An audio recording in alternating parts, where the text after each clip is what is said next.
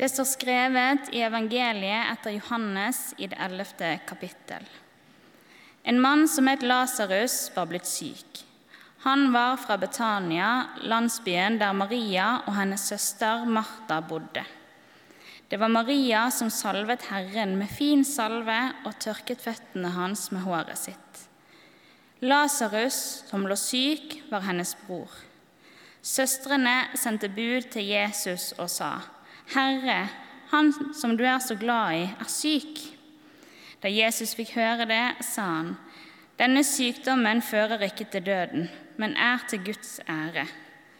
For ved den skal Guds sønn bli herliggjort. Jesus var glad i Martha og hennes søster og Lasarus. Slik lyder det hellige evangelium. Jeg ser for meg at Jesus visste akkurat hvordan det luktet hjemme hos Martha, Maria og Lasarus. Eller nøyaktig hvor langt det var til huset deres, er det de passerte et eller annet merke langs veien som han hadde sett seg ut. Sånne ting som vi legger ekstra merke til som barn, som får en spesiell plass i hukommelsen vår, og dermed også hjertet vårt. Jesus hadde trolig vært hos Martha, Maria og Lasarus flere ganger i oppveksten. Den lille landsbyen i Betania i Judea lå nemlig strategisk plassert rett i utkanten av Jerusalem. Du skal klare å se der på kartet. Det er litt smått, men det er altså Nasaret helt der oppe. Og så er det ganske langt ned, som dere ser, til Betania, rett utenfor Jerusalem. For Jesus og familien de var jo fra Nasaret, som vi vet, i Galilea. Men som de fleste jøder på den tiden, så dro de inn til Jerusalem ved de store eh, høytidene når de hadde muligheten til det. Og Ved lange reiser så er det godt å ha gode venner i nærheten som man kan overnatte hos. Så det er godt mulig at det var slik det gikk til at Jesus utviklet et langvarig og nært forhold til disse tre søsknene i dette huset. Jesus var glad i Martha og hennes søster og Lasarus. Et kort, vakkert vers som egentlig sier alt jeg har tenkt å si i denne preken her, om betydningen av vennskap og relasjoner. Så dersom eh, det er altså mulig å falle av på dette tidspunktet og fremdeles få med seg hovedpoenget. Men jeg skal prøve allikevel å si litt mer om hvorfor dette ene verset sier så mye. Lasarus ligger altså for døden, og Martha og Maria de sender på bud. På den, til den eneste de har håp om at kan hjelpe. Deres barndomsvenn Jesus. De sier ikke engang hvem det gjelder. Bare 'Han som du er så glad i, er syk'. De vet at Jesus vet hvem de mener. Og vi vet fra senere i teksten at, Jesus, at Lasarus faktisk dør, men at Jesus da vekker han til live igjen, som Øyvind prekte om for noen uker siden. Og Det er også her vi møter Bibelens korteste vers, som igjen sier mange hundre ord utover de to små ordene 'Jesus gråt'. I samspillet mellom disse søsknene og Jesus får vi et dypt innblikk i Jesus som menneske. Et menneske med følelser som lar seg påvirke av de rundt seg. Et menneske med behov for andre mennesker. For de typer relasjoner hvor man kan være seg selv fullt og helt. Som man kan slappe av med, le med, finne mening og tilhørighet. Denne uken har det vært verdensdagen for psykisk helse. Og Temaet for i år er nettopp tilhørighet. Undersøkelser viser at det er flere nå enn før pandemien som rapporterer at de er ensomme. Og at selv om man omgås mennesker på studiesteder, på trening eller i byområdet, så gjør det ikke nødvendigvis oss mindre ensomme. For vi trenger å bli Vi trenger å høre til et sted. Vi trenger å bli møtt, og ikke minst sett for den vi er. Aldri har denne eldgamle sannheten vært mer på dagsorden. Det mest kjente kristne idealet vil nok mange være enige om at er å elske de neste. Uansett hvem det er. Å inkludere spesielt mennesker som av ulike grunner er utstøtt.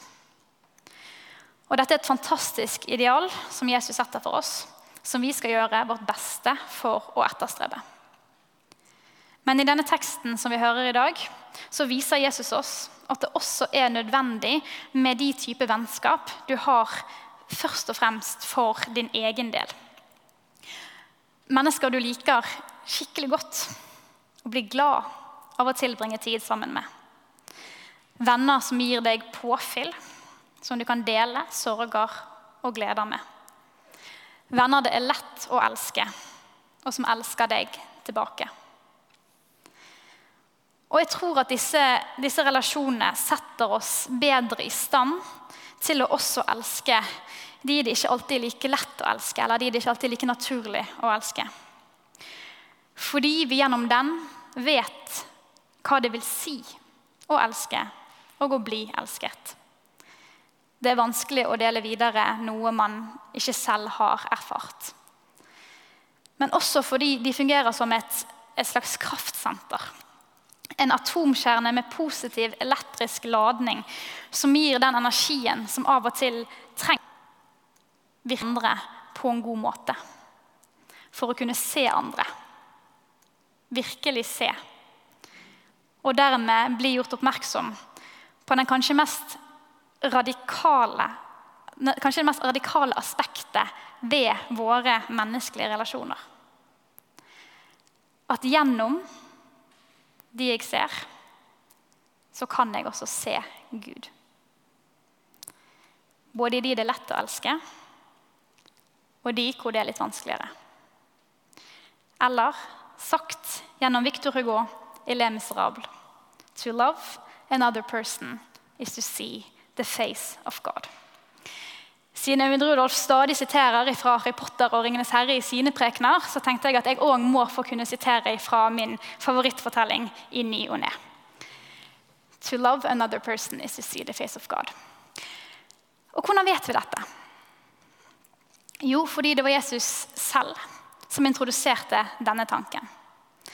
I Matteus 25, 40, så sier han Sannelig, jeg sier dere, det dere gjorde mot én av disse mine minste søsken, har dere gjort mot meg.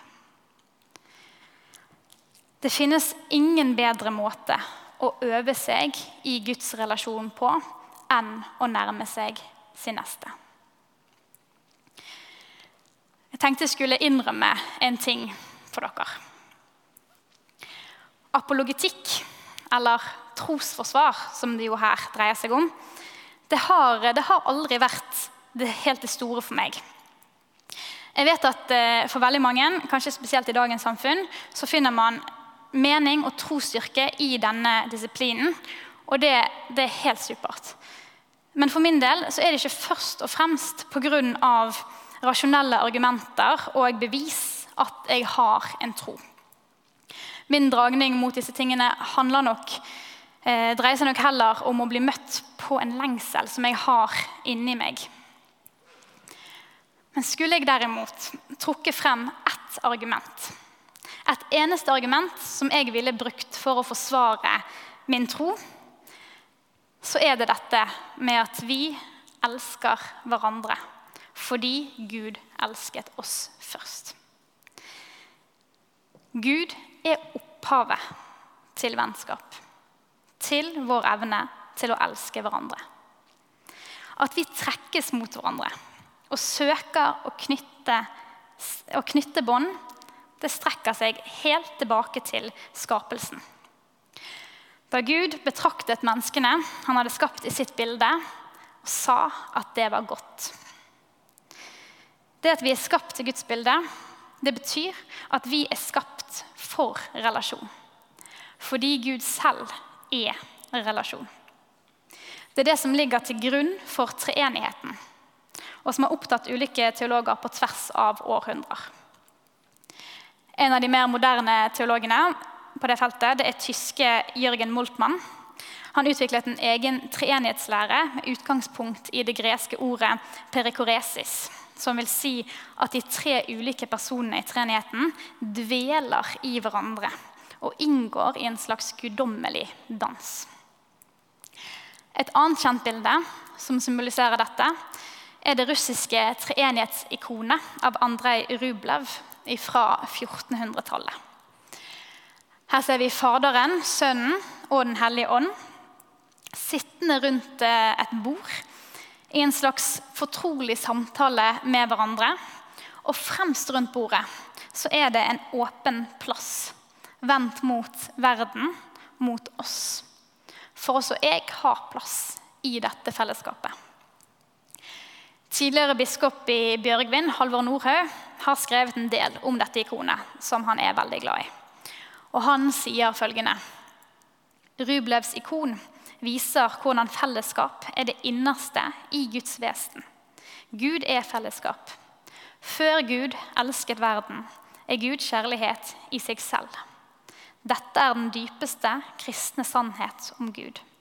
Derfor kan Guds vesen best beskrives slik som det skjer i 1. Johannes brev. Gud er kjærlighet.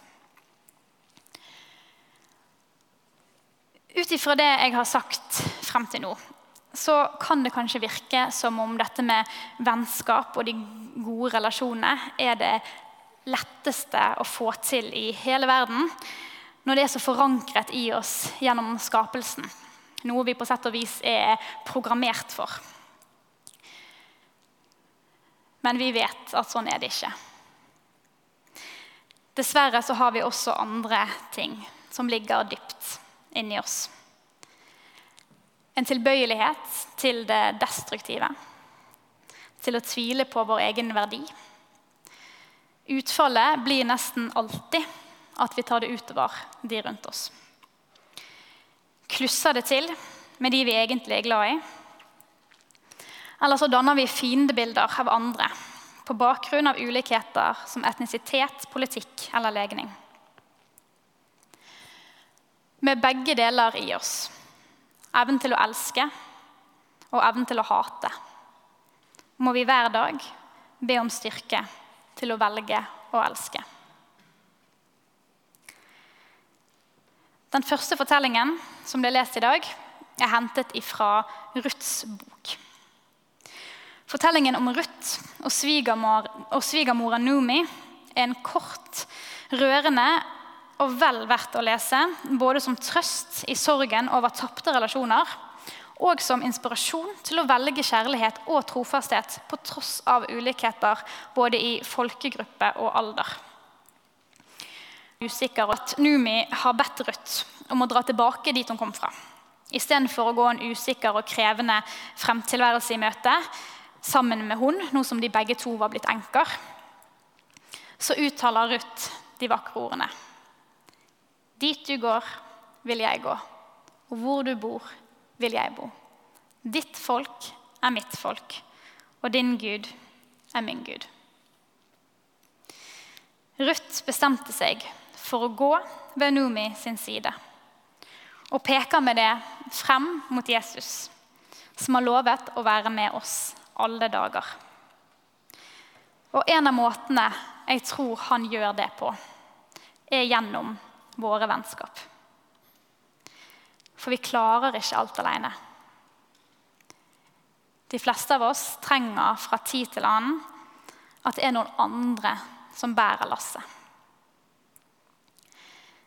Sangen vi skal synge nå etter preken, er det nok mange som har hørt før eller kjenner til. Men historien bak sangen er det ikke sikkert alle vet. I Nebraska i USA i 1918 så fikk barnehjemmet Father Flanagans Home for Boys et nytt tilskudd. Howard Loomis.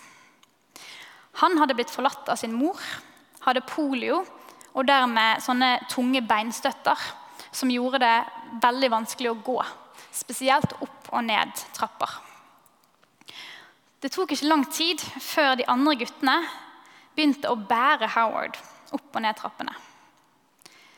En dag så spurte fader Flanagan, en av de eldste guttene, om det ikke var tungt å bære Howard opp og ned trappene hele tiden.